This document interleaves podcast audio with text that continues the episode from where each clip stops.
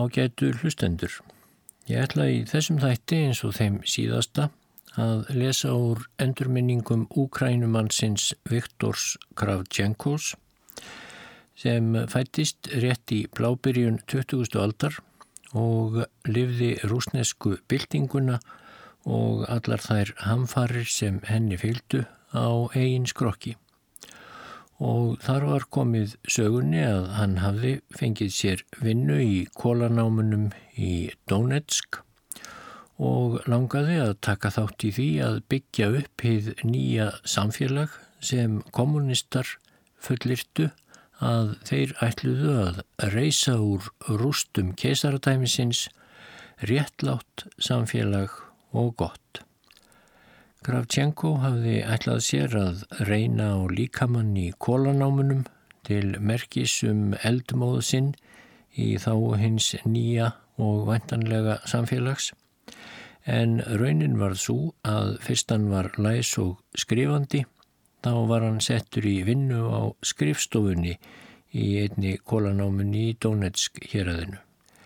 Ég var þarna, skrifar hann, í miðri veröld sem var eins konar þverskurður eða sínishornasapn af þeim kynþáttum og þjóðflokkum sem mynduðu hinn nýju ráðstjórnar ríki. Russar og úkrænumenn voru auðvitað í meiri hluta en þar voru einnig tatarar, armeníumenn, kynverjar, fjallaþjóður frá Kaukasus og kasakkar frá Gresjum Asíu. Einstaka þeirra höfðu komið eins og við senja vinnur minn af áhuga og ættjörðarást til þess að hefjast handa um það stórkostlega viðfangsefni að breyta Rúslandi í yðnaðarland. En allur þorrið þeirra kom þó að því að kaupið var hátt með það sem þeir átt að venjast í sveitaþorpunum. Þúsundir þeirra dvöldust þar ekki lengur en meðan þeir voru að auðra saman fyrir kú, hesti eða nýju húsi. Þessi geysilega öru mannaskipti voru mestavandamál námustjórnarinnar. Það var heldur grund á því góða millir hinn að mismunandi kinnflokka. Þeir heldu hópin og sóttust eftir því að vinna hver fyrir sig. Asíubúarnir púluðu í dýfstu og þrengstu námagöngunum, russar og úkrænumenn unnu léttari störfin. En það reygin djúb sem skildi stjett frá stjett var enþá dýpra en það sem aðgreindi þjóð frá þjóð. Leifarnar af mönnum fortíðarinnar, kaupmannsýnir, landeigendur og prestar, fyrverandi liðsfóringjar og embættismenn frá keisaratímanum, stúdentar, þeir fundu vel til þess að þeim var ofaukið, þeir voru íllþólanlegir og ofinberlega fyrirlitnir.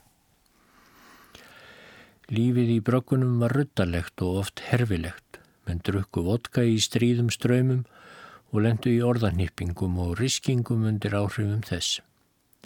Sumir námumannana spiliðu fjárhættuspil og nakk rifust um hinn fjárstæðustu málefni. Ég sá námuverkamenn tapa í spilum ekki einasta öllu kaupi sínu, heldur líka síðustu skónum og einu ábreyðunni sem þeir áttu. Einstaka alvarlega hugsandi verkamenn sóttu námskeið í bóklegum greinum, sóttu verkamannaklúpa og bókasöfn en þeir voru aðeins brot af fjöldanum.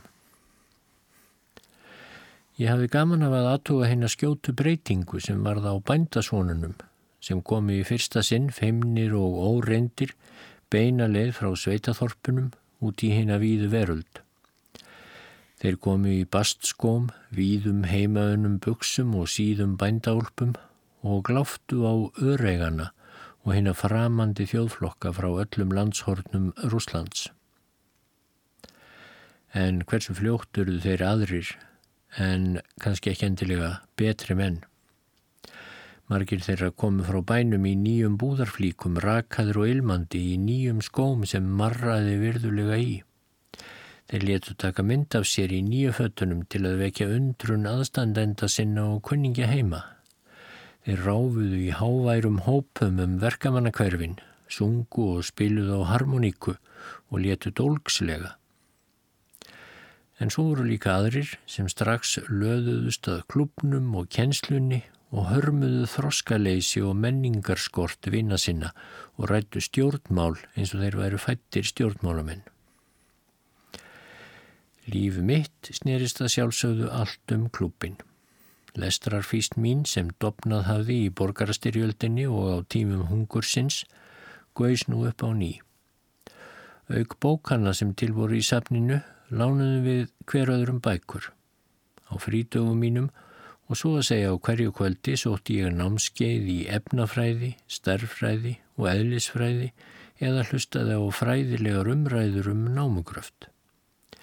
Við senja eignuðumst vini meðal pilda og stúlkna sem voru jafn námfús og við og fyrir skólaganga kom mér nú að góðu haldi og veitti mér nokkur áhrif meðal hinna alvöru gefnu ungu verkamanna og barna eldri verkamannana.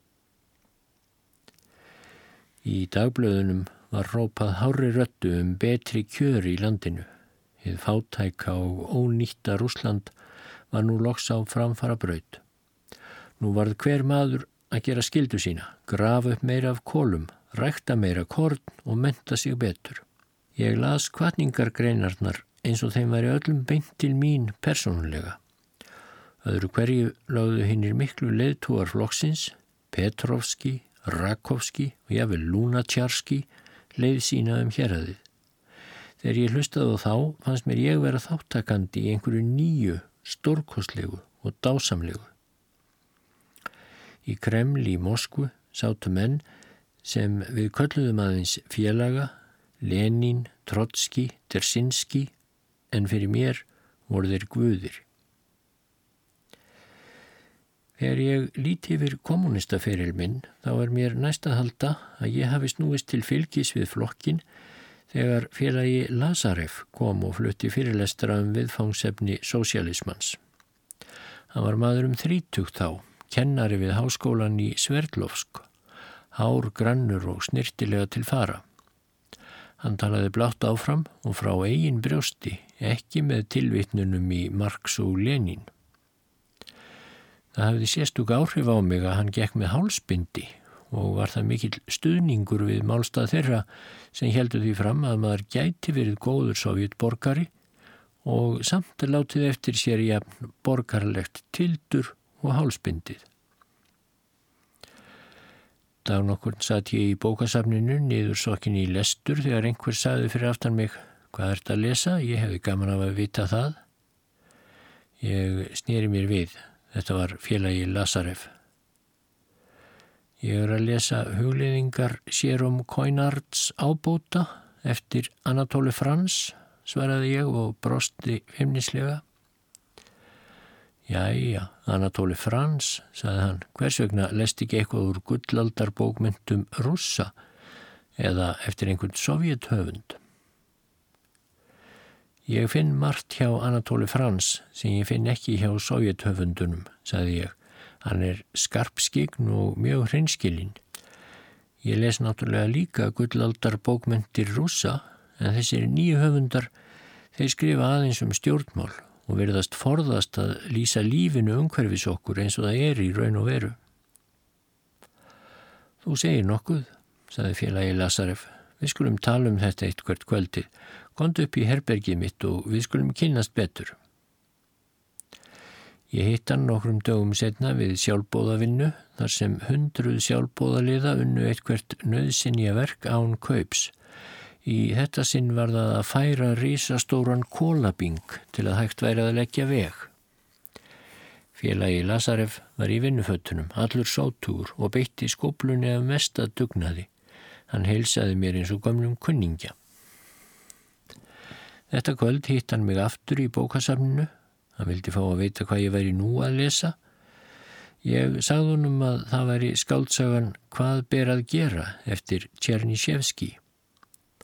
Mikilvægt rít, saði hann og kingaði kolli til samþykkis. Já og spurning hans hvað eigi að gera er einmitt það sem ég er nú að velta fyrir mér, saði ég. Þeirri spurningu hafa Lenín og undan honum Marx þegar svarað fyrir miljónir manna. Hefur þú ekki lesið Lenín og Marx, spurði hann. Dálitið í Lenín, svaraði ég, en ekki Marx. Ég hef auðvitað lesið bæklinga þá sem flokkurinn hefur gefið út en ég er ekki vissum að þeir svari fullkomlega spurningunni um það hvað gera skal.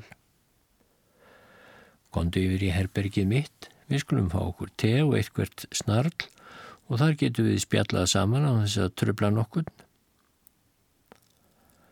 Herbergið hans var bjart og tandur reynd, mislít ábreyða var á legubeknum og bókum snirtilega raðað millir bókastóða á skrifborðinu. Nokkur blóm voru í skreittu blómakeri. Á einum vegg voru fjölskeldumindir. Einn þeirra af Lasaref sjálfum á unga aldri í mentaskóla búningi með hund við fættur sér önnur af mjög laglegri sístur hans líka í mentaskóla búningi. Á öðrum vegg voru einræmaðar myndir af Lenin og Marx og á milli þeirra hinn alkunna mynd af Leo Tolstói á gamalsaldri, klættum síðum kirtli að bænda síð með þumalfingurna undir opnu beltinu. Þessi sjón hlýjaði mér um hjertaræturnar og náði tökum á mér og ég geti varðla gert mér grein fyrir af hverju svo var. Þetta er ekki ruttarlegur sjóliði sem ræðist á hjúgrunarkonu að næturþeli, hugsaði ég með sjálfum mér. Svona kommunista geti ég vel fyllt að málum. Ég hef reynd að setja dálitinn heimilisvip á herbergið, saði Lazarev, úr því á að búa hér nokkra mánuði. Við rættumst við í margar klukkustundir þetta kvöld um bækur, flokkin, framtíð Rúslands. Lazarev sagði að ég ætti heima hjá hennum kommuníska minnilhuta sem ætti að vísa alþýðunni leiðina. Ég ætti þess vegna að ganga í æskulíðsfylkingu kommunistaflokksins og síðan að í fyllingu tímans í flokkin sjálfan. Hann játaði að flokkurinn væri að sjálfsögðu ekki fullkominn og stefnusgráin eftir vill ekki fullkomin heldur en fólkið væri mikilsverðara en nokkur stefnusgrá. Hvaða von er um sigur, spurðan, ef ungir og gáfaður hugssjónumenn eins og þú standa utan við hreyfinguna, því ekki að gangi í lið með okkur og vinna fyrir hinn samiðinlega málstað. Þú getur gert öðrum gagn með því að vera fyrirmynd þeirra í ættjarðarást, lítu bara í kringum þig í brökkunum Þar sérðu fjárhættuspil, óhreinindi, drikkjuskap og græðki sem, þar sem ætti að vera hreinleiti, bækur og mentun. Verður að skilja drengur minn að við eigum geysilegt verkefni óleist. Það þarf tröll aukið átak til að gera hreint í húsi okkar. Við verðum að uppræta ílgresi fortíðarinnar sem enn er allstæðar, rótnun og óþverra og til þess þurfum við að fá góða menn. Kjarni vandamálsins er ekki aðeins sósialismi að formi til heldur velsæmi, mentun og betra líf fyrir allan fjöldan. Kommunistar hafðu lagt hartað mér fyrir enn í þetta skipti en nú heyrði ég í fyrsta sinn bergmál þess anda sem hafði gegnsýrt æsku mína. Ég raukrætti við félaga Lazarev. Ég saðist myndu hugsa nánar um þetta en í rauninni var ég sammála honum og hafði þegar tekið ákvörðun. Ég myndi ganga í flokkin. Þegar félagi Lazarev fór til Moskvu nokkrum vikum síðar var ég meðal þeirra mörgu sem sapnast höfðu saman á bröytarstöðinni til að kveðjan. En þarna voru óbreytir námumenn og skrifstofumenn jamt sem hátsettir ennbættismenn. Þú ert þarna vitja minn, sagðan og gekk til mín. Ég heyrði af tilviljun að þú værir gengin í eskulísfylkinguna. Það var rétt gert. Ég óskaðir til hamingju. En hvers vegna lestu mér ekki vita? Ég hefði mælt með þér. Ég veit það og ég er þakklátur þér fyrir það, svaraði ég, en ég vildi komast ángað af eigin ramleik án verndar. Það kann að vera rétt hjá þér, svaraði hann brosandi, en hérna er smá gjöf sem ég langar að gefa þér. Það var bók. Ég gerði ráð fyrir að hún væri eftir Marx eða Lenin.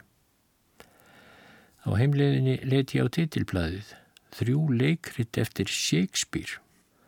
En Lazarev, þessi ákafi kommunisti og duglegi leittói, hann sameinaði nefnilega mannkærleika Tolstóis og ástina og fegurðinni í ódöðlegri tólkun Shakespeares við trú sína á Marx og Lenin. Mundi þetta sambland geta varðvist, skildu menn eins og Lazarev sigra. Hvað sem því líður, nú hafði líf mitt aðalast þýðingu, tilgang og nýja hillandi tilfinningu fyrir því að ég væri að helga mig málstað. Ég var orðin einnina útvöldu, valinn af sögunni til að leiða þjóð mína og allan heiminn úr myrkrinu inn í sólskins lönd sósialismans. Ég veit að þetta hljómar eins og kallakropp en þannig töluðum við í raun og veru og þetta fannst okkur. Það gætt bólað á evasemdum og eigingirni meðal eldri kommunistana en ekki í hópi okkar eldheitra nýliðana. Sérréttindi mín sem einsina útvöldu voru í byli meiri vinna, fyrirlitning á peningum og afneitun personulegrar metorðagirndar. Ég mátti aldrei gleima því að ég var fyrst félagi æskulís fylkingarinnar síðan einstaklingurinn Viktor Kravchenko. Svo staðrind að ég hefði gerst félagi æskulís fylkingarinnar í námu hér að því, þar sem nú stóði yfir yðnbilding, setti á það lindardómsfullan blæ. Ég gerir ráð fyrir að ungir aðalsmenn sem fengu yngöngu í hyrði keisarans á sínum tíma hafi haft þessa sömu tilfinningu um að vera útvaldir. En nú var ekki lengur tími aflögu til skemtana. Lífið hafi fylst skildum, fyrirlestrum, leiksýningum fyrir námumennina og kennisetningum sem var það nema og rökræða. Við vissum það að Lenínar og Búkarínar framtíðarinnar hlutu að koma úr okkar hópi. Við vorum að undirbú okkur undir starf leðtogans. Við vorum eins konar kórdrengir í domkirkju efnisheikjunar sem réði ríkjum í ráðstjórnaríkjunum.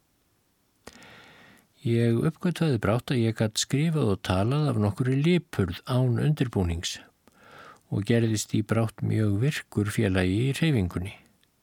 Ég átti sæti í alls konar nefndum, vann trúbóðustörf meðal hinn að lítil trúuðu utan flokksins og let að mér hveða í hinnum tíðu hátíðahöldum. Ótal viðburði þurfti að halda hátíðlega, aukina venjulegu helgidaga byltingarinnar.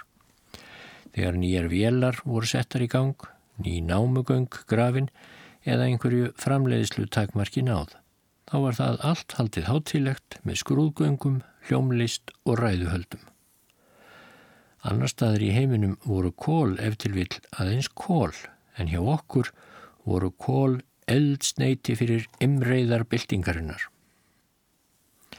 Fyrir meðalgöngu félaga Lasarefs hafði mér verið fengin vinna í sjálfum námanum og nú þurfti ég ekki lengur að öfunda senja af þeim sökum. Við tveir og nokkrir aðrir ungir námamenn mynduðum vinnuflokk, samvinnufélag sem kallað var og var okkur borgað fyrir störf flokksins í heild. Þetta vinnuflokkakerfi var þá mjög mikið notað til að auka framleiðsluna. Félagar duglegur að vinnuflokka unnu sér venjulega einn meira kaup en einstakir námumenn en það skipti minnstumáli fyrir okkur. Við buðumst til að vinna hættulegustu og erfiðustu verkin og vildum með því sanna áhuga okkar í verki. Við höfðum jáfnvel kjörorð sem við tilkynntum námustjórninni hátilega. Ef það er nöðsynlegt, er það framkvæmanlegt. Meðlimir vinnuflokksins byggu saman í hreinu og viðfeldnu húsi þar sem gnægð var góður að bóka. Við skiptumst á við gólfþvott og annur heimilstörf. Ég var vissum að byltingarleðtogarnir og góðskáldin sem hengu á vekkjunum litu með velþóknun á þennan menningar vott í þessu vanhyrta landshortni, Donetsk héræðinu. Meðal myndana af leðtógunum var mynd af Ortsjónikítse, einum af nánustu samstarfsmönnum Lenins, sem síðar varð ráð þeirra þungaðinaðurins.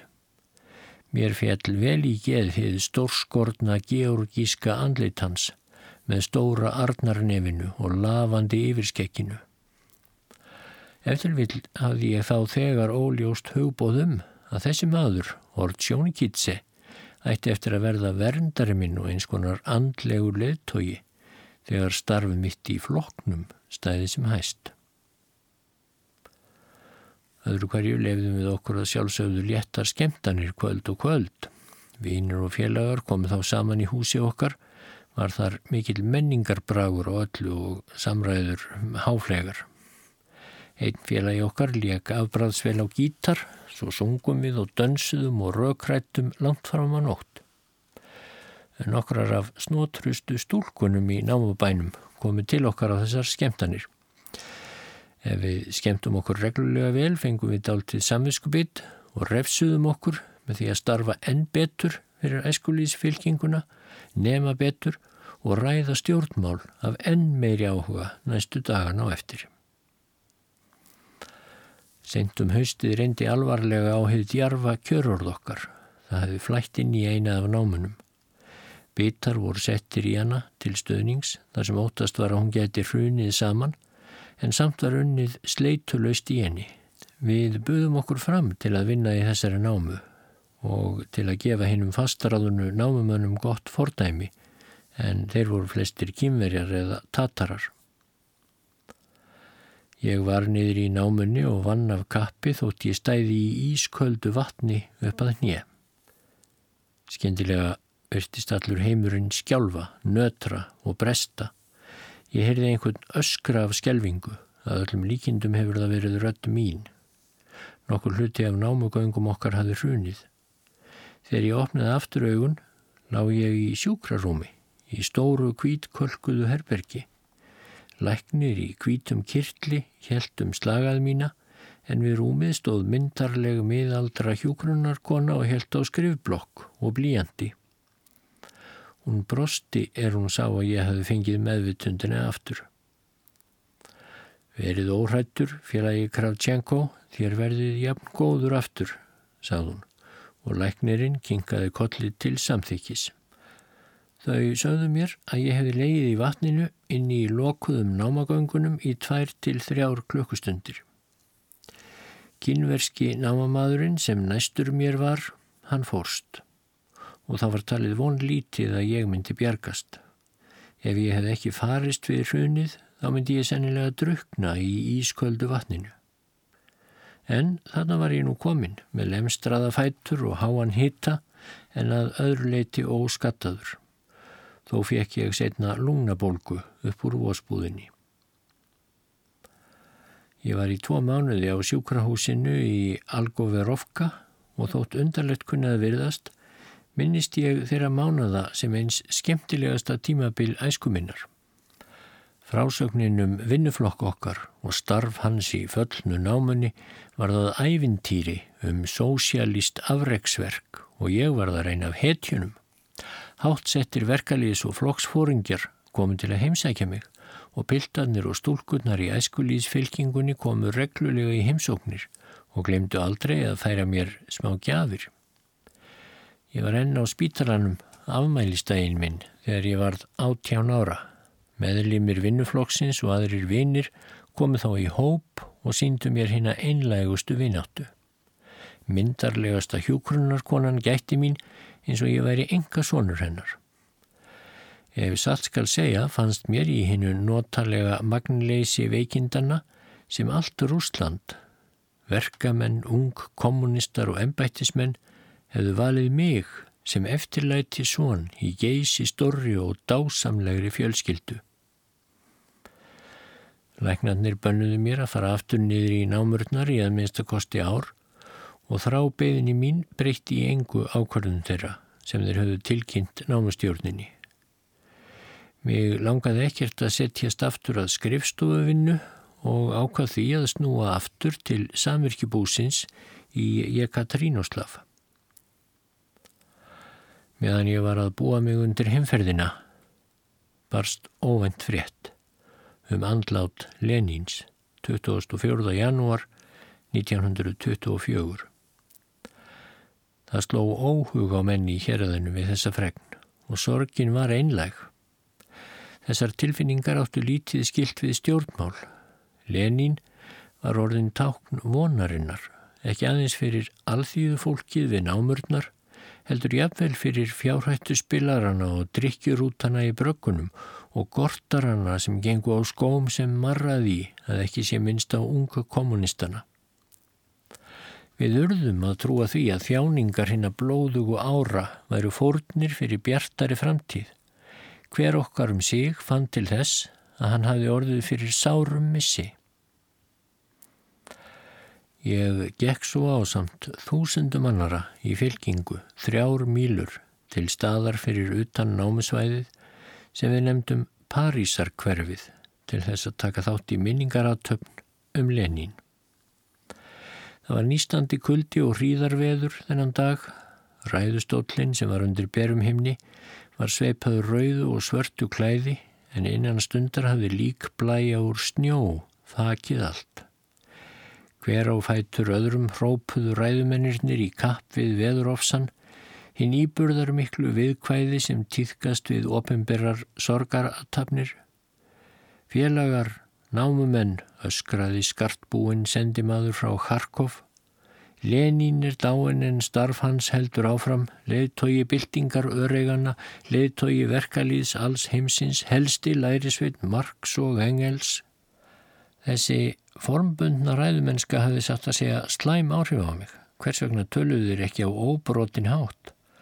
Frá eigin brjósti í stað þess að geta upp rittstjórnargreinar úr Pravda eða Ísvestíja.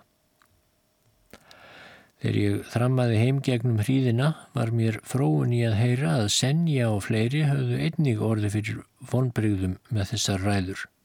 Ræðumönnunum hafði ekki tekist að lýsa tilfinningum okkar gagvart Lenín því þessar tilfinningar áttu meira skilt við lifandi vonir okkar en hinn látna leittoga. Nokkrum dögum síðar las ég í blöðunum um eið Jósefs Stalins við kistu Lenins á Rauðatorkinu í Moskvu. Það var stutt, helgi síða kent lofurðum að feta vandlega í fótspór hins fallna fóringja. Þetta hafði miklu meiri og betri áhrif á mig en ræðurnar við minningaratöfnuna. Stalin var meðlimur hinnar alvöldu stjórnmálunemdar, aðalreytari flokksins og hafði frá upphafi verið þýðingar mikill aðil í henni nýju stjórn.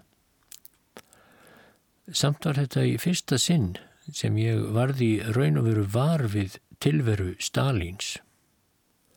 Ég hugsaði með mér að það veri einkennilegt að mynd hans skildi ekki einsinu að hafa verið hengt upp á vekkja okkur þar sem kommunista leðtóðarnir voru þó flestir. En frá með þeim degi var það nafn Stalins, svo þýðingar mikill, svo óhjákvæmilegt að það var þá endanum erfitt að muna þá tíð er nafn Stalins hafi ekki varpað skugga á allt annað í líf okkar. Ég hafði aðeins verið rúmt ári í námikjaraðinu. Samt var erfitt að slíta sig lausan frá lífinu þar. Ef einhver hefði sagt mér, daginn sem ég kom þángað, að ég ætti eftir að kunna vel við mig á þeim dapurlega stað og þykja vænt um þetta ruttalega fólk og hérna erfiðu vinnu, þá myndi ég hafa álitið að hann væri ekki með öllum mjalla. En mér var nú ósjálfrátt farið að finnast að ég væri námumadur og ég leita á galla námumannana og vonbreyði hans með samúð þekkingarinnar en ekki með gaggríni hins ókunnuga. Líf námumannana var stöðugt myrkur, hætta og einstæðingskapur en því fylgdi líka einhver viðkvæmni sem laðaði mig að sér. Það er ekki rétt að við elskum aðeins það sem fagurst er og vekur gleði, hið sorglega og hið ljóta getur einnig náðu valdi á ímyndun okkar og tilfinningum. Við elskum í rauninni hvaðeina sem hrærir tilfinningar okkar. Við tengjumst mönnum og stöðum þeim tilfinningum sem þeir vekja hjá okkur, jafnvel þótt þær valda okkur sársöka. Ég hef aldrei glemt dvölminni í námuhjörðunum. Mér fyrir alltaf fundist ég standa nærri þeim sem grafa kól, íbúum hinn að svörtu undir heima. Það voru sex farþegar í klefa mínum í lestinni sem flutti mig burt frá Donetsk hér aðeinu. Eins og við er að búast af rúsum og ukrænumannum lendum við brátt í kapræðum. En það þótt ég væri yngstur í hópnum fannst mér ég ber ábyrð á því í hvaða átt samræðunar beindust.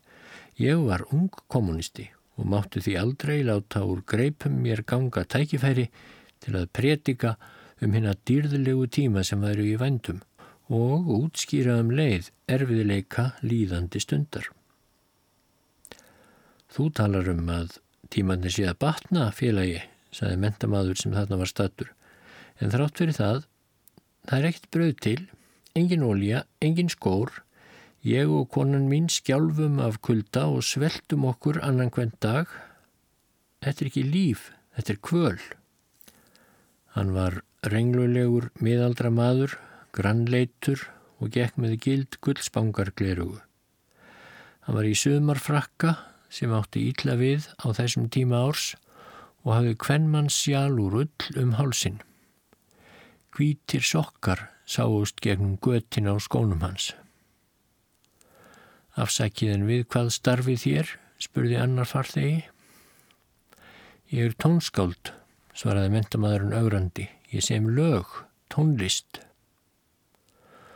Nú já, svo þú semur lög, reyti hinn út úr sér. Hver þarf á lögunum þínum að halda? Hver kæri sig um rósrauða sólskins valsa á tímum eins og þessum? Hýpjaðin í verksmiði og reynda að vinna erlegt starf og þú mun þá ekki hafa undan neinu að kvarta. Já, já, og svo allir verða að vinna í verksmiðjum, rópaði tónskaldið æstur, hafa brautriði endur sósialismans, enga þörf fyrir tónlist, eigum við allir að verða að sálarlausum vélum í verksmiðjum. Já, það er rétt. Við þurfum ekki neinar helvítis nótur eða tónlist. Við þurfum að framleiða meiri vörur. Það er búið að nefn úr gildi, hugt ekki sál, sagði sá þriðjidaldið ólundarlega. Ef svon er komið, þá er þýðingarlaust að tala við ykkur, rópaði tónskáldi. Þið eruðu ruddar og ég eigið ekki orðum á ykkur. Þegar ég var komið varði ég sem metnaðarfullur ung kommunisti að grýpa fram í til að fyrra frekar í vandraðum. Lofið mér að ekki orði belg, saði ég svo virðulega sem mér var und, þegar raukræðið af ofmikilli tilfinningu en ekki nælum skilningi ef ég má leifa mér að segja svo. Það er rétt, okkur vantar en þá mjög margt en við leggjum hart að okkur til að koma því í lag og þegar þar að kemur munum við fá allt þar á meðal tónlist. Það getur verið að þessi borgari sé engin Tchaikovski kannski en eh, ef hann semur góða tónlist þá riður hann líka steini úr vegi sósialismans. Ég er sjálfur að koma frá kólanómunum og ég veit hver mikla þörf við höfum fyrir kól. En trúið mér, við höfum ekki síður þörf fyrir hljómlist en kól. Við þurfum að hressa hugan, engu síðan en líkamann. Það var auðséð að þessi orð mín höfðu áhrif á þá. Ég þurfti ekki að segja þeim að ég væri einn hinn að útvöldu. Ég talaði eins og sá sem valdið hefur. Við skeggrættum síðan allmörg málefni áður en við komum til Dnjepro-Petrovsk eins og ég Katrínuslav var nú kölluð og ég var jafnan sátta sem ég er með úrskurðarvaldi. Ef til vil kvísu þeir sem voru mér ekki sammála heldur þögn en rifrildi en hví skildu þeir deila við ung kommunista. Ég kom til samverkjubúsins að áliðinum degi. Hundrun minn, Reker, kom á móti mér niður á vegin og ætlaði að trillast af kæti. Ég gegðist gegnum gluggan á bænum okkar og sá móður mína verið að lesa við ljós oljulampans. Hún hafði elst lítið eitt, grenst og gráa hárunum fjölkað. Ég opnaði hurðina hljóðlega og sagði með breyttri röttu Býr hefðarfrú Kravtjenko hér. Vittja minn, elskan mín, rópaði hún og táraðist af gleði. Um kvöldið hlustaði ég á fréttir af því sem borið hafi við heima. Samirkjubúið var úr sögunni. Aðeins þrjár eða fjórar fjölskyldur unnu ennþá að búskap. Nokkrar fleiri voru þar enn til húsa en heimilisfeðurnir unnu í verksmiðjum í yðnaðarbæjunum í nákrenninu. Fadir minn og bræður voru farnir aftur til Dnjepro-Petrovsk og unnu þar fyrir góðum launum. Um vorið vonuðist þeir eftir því að geta fengið tveggja eða þryggja herbergja íbúð svo fjölskyldan geti öll flutt saman á ný. Hús samverkibúsins voru niður nýtt og ljót á að líta. Hvarvetna voru gött á þökkum og dýr úr skorðum. Bitar höfðu verið ripnir úr húsunum og notaðir til eldsneitis. Bændurnir í nákrenninu sögðu, þannig sjáu þið, kommunistar get ekki rektað jörðina. Þeir geta bara handtekið menn og heimtinn skatta. Nokkrir þeirra kom í heimsókn þegar þeir fréttu að ég væri komin heimi aftur. Þeir síndu mér sömu virðingu og fullordnum manni sem hafði verið út í heimi og letu rigna yfir mig spurningum um hvað nýja stjórnin hegðist fyrir varðandi bændur og jarðirnar þeirra. Í Korbínoverksmiðunni hópuðust verkamennir einnig um mig með spurningar sínar. Ég svaraði þeim eins og ég taldi að ungkommunisti ættið að gera. Nokkrum dögum setna held ég ræðu í verksmiðjuklubnum um kjör námumannana í Donetsk-dalnum. Án þess að draga dúl á erfiðleikana og gallana hlít ég að hafa líst lífinu í námunum í fáru ljósi. Því fjórir ungir verkamenni í Korbín og tilkynntu umsviða löst að þeir hefðu í hyggju að fara og vinna í námanum og ég gaf þeim nöfn og heimilisfeng réttra aðila í verkalýsfélagunum. Þegar ég hafði högvið stóran köst af eldiviði og gert við löðudirnar, því við áttum en þá eina kú, þá fór ég til borgarinnar. Fadur minn og yngri bróður minn Evgeni unnu í Petrovski Lenin málmverksmiðunum og aðurinn langt um leið fekk ég líka vinnu þar í vélaverkstæði. Konstantín eldri bróður minn vann í annar verksmiðju í Dnjepropetrovsk. Þetta nýja nafn á Jekaterínoslav hljómaði enþá ókunnulega í eirum. En ég vann þarna í þrjú ár, eða allt þar til ég var kvattur í Rauðaherin á 21. ári eins og herþjónustu lögin mæltu fyrir um. Málmverksmiðan okkar var í allmörgum byggingum sem náðu yfir margar ekrur í útjæðri Dnjepropetrovsk. Þarna unnu 24.000 menn og konur og þetta var eina af stæstu verksmiðjum söður Úslands. Fyrir byltinguna hafði verkamenn verksmiðunar tekið þátt í verkvöldum og uppreysnum svo að söguleg fræð var tengd við verksmiðjuna. Þarna hafði félagi Petrovski, forseti ráðstjórnar líðveldis Úkrænu, unnið á yngri árum. Aðrir mikilsverðir byltingarleðtogar eittu einnig örega árum sínum í þessari verksmiðju. Kommunistaflokkur verksmiðunar að æskulís fylkingunni meðtalinni hafði um 2000 félaga og áróðurstarfseminn var rekinn af öllum mætti. Petrovski, Rakovski, Kaganovic og aðrir hátsettir leitúar komu oft og ávörpuðu verkamennina á föndum þeirra.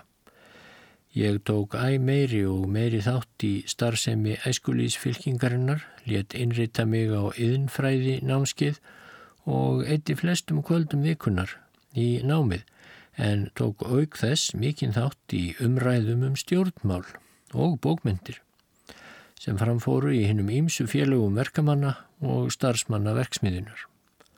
Fadur minn hafði ekki getað sæst við kommunistana á liðnum árum. Hann játaði fúslega að margir kommunistar væru heiðarleir og alvarleir menn en byltingin eins og hún hafði þróast, var enni allt of litlu samræmi við æsku drauma hans, sagðan. Hann skipti sér aldrei af starfi mínu í æskulísfylkingunni og með sjálfum sér glattist hann yfir því að ég skildi geta rutt mér braud við hinnar nýju aðstæður. En við og við gata hann ekki stilt sig um að koma með biskar aðtóðsendir um mismunin á óhófs lífverðni embætismannana og verkfræðinga þeirra sem hæra voru settir og eimdar lífi hinn að almennu verkamanna. Við tölum um bræðralag og jafnrétti, svona sæl, saðan til dæmis, en lítur svo ákveðni félagi enn, lifir í stóri íbúð, vel klettur og hefur bifreiðar til afnóta. Lítur svo á braggana sem nýju verkamannunum frá sveitaþorpunum er tróðið í eins og sardínum í dós. Í matsölustad framkvæmdastjórnarinnar eru reyn herbergi og ágætur matur en allt er nógu gott í matsölustad verkamannana. Látt okkur hafa tíma pappi, bað ég. Það eru svo mörg vandamál sem verður að leysa í einu. Ég veit vel, saði fadur minn, að vandamálinn eru mörg en ég veit líka að fjarlægðin millir yfirstjættarinnar og undirstjættarinnar vex en mingar ekki. Vald er hættulegt, veit ég minn. Ég var brátt fluttur úr vélaverkstæðinu yfir í pípuverksmiðjuna og eftir tæft ár var ég orðin verkstjóri og bætti við það mjög hag fjölskelduminnar. Nú þegar við fjórir unnum fyrir kaupi lifðum við góðu lífi þráttur í dýrtíð. Hinn nýja efnahagstefna sem lefði aftur verslun einstaklinga hafði í förmið sér stopnun hundraða nýra verslana matsöluhúsa og kaffihúsa. Fyrir peninga var nú hægt að fá næstum hvað sem var.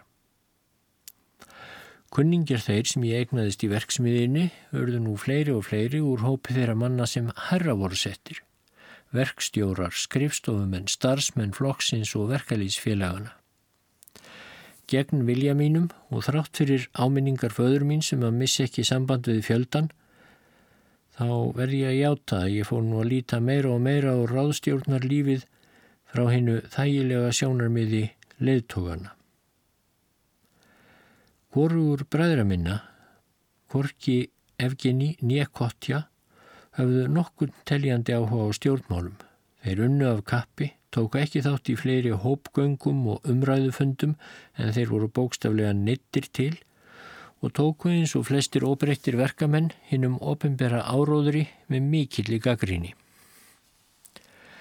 Þú hefur hæfileika geta orðið reglulegur kommunistaskrifinnur, stóri bróðir, stríti efgen í mér, ef þú lætur ekki romantíska mannúðar duttlunga föður okkar leiðaði í gönnur. Vorið 1927 var vist í eðli sínu ekki ólíkt vorinu á undan og því sem á eftirkom en fyrir sjónum mínum mun það ætið verða í sérstöku ljósi með sterkari litum og mýkri skuggum. Hún hétt Anna, var 17 ára, bláeig og gullinhærð. Við hittumst í samkvæmi hjá einum verkstjóranum í verksmiðunni og frá þeirri stundu er við hilsuðumst þá kvarf samkvæmið og allir hinnir gestinnir. Fadur önnu var yfirverkfræðingur við mikilvæga járnbraut þó að hann væri sonur verkamanns og hefði á námsárum sínum verið í leinilegum sósialistafélagum þá stóða nú all fjarrri hinnu nýja ráðstjórnar þjóðfélagi. Móður hennar hafði varðveitt tilgerðina og lítilsvirðinguna fyrir almúanum frá umhverfi sínu fyrir byltinguna. Jafnvel í fyrstu raunverulegu ástarhrifningu minni þá var vitundinum að Anna var ekki ein af okkur, alltaf undir yfirborði tilfinninga minna. Hún létvissulega sem hún hefði áhuga á starfi mínu í æskulíðs fylkingunni, en ég vissi þó vel að henni leittist talum allt slíkt. En móðurinnar gerði hins vegar enga tilrönd til að leina fyrirlitningu sinni á kommunistunum, á kjörorðum ráðstjórnarinnar og á auðvirðilegri verkstjórastöðu minni í verksmiðju. Ef æskulíðs fylkingar maðurinn þinn væri nú að minnstakosti verkfræðingur, heyrði ég hann að segja við önnu kvöldeitt þegar hún var í slæmuskapi. Sjálf var Anna klofinmilli ráðstjórnar skólans og uh, burgeisa umhverfisins heima. Okkur tókst að vera saman mánadar tíma á Orlofsheimili sem verksmiðja mín átti á bökkum Dnjepr. Til raunum mínum til að bóða henni skoðanir mínar í stjórnmálum svaraði hún með kossum og faðmlögum og það voru rauk sem ég gæti ekki melda á móti. En okkur var það báðum ljóst án þess að við töluðum um það eitt einasta orð að ekki geti orðið úr hjónabandi milli okkar að við værum hugmyndafræðilega ósamrýmanleg. Engir geta skilið þetta nema þeir sem lifað hafa á tíma og stað þar sem stjórnmálinn kvíla á öllu eins og farg. Eftir að við komum aftur til Dnjepr og Petrovsk fjarlægðumst við smám saman hvort annað, Anna og ég. Þegar ég fór í herþjónustu síðla árs 1927 vissum við bæði með sjálfum okkar að samveru stundum okkar væri lokið. Það átti samt fyrir mér að liggja að hitt hana aftur 14 árum setna en þá í loftvarnarbyrgi í Moskvu.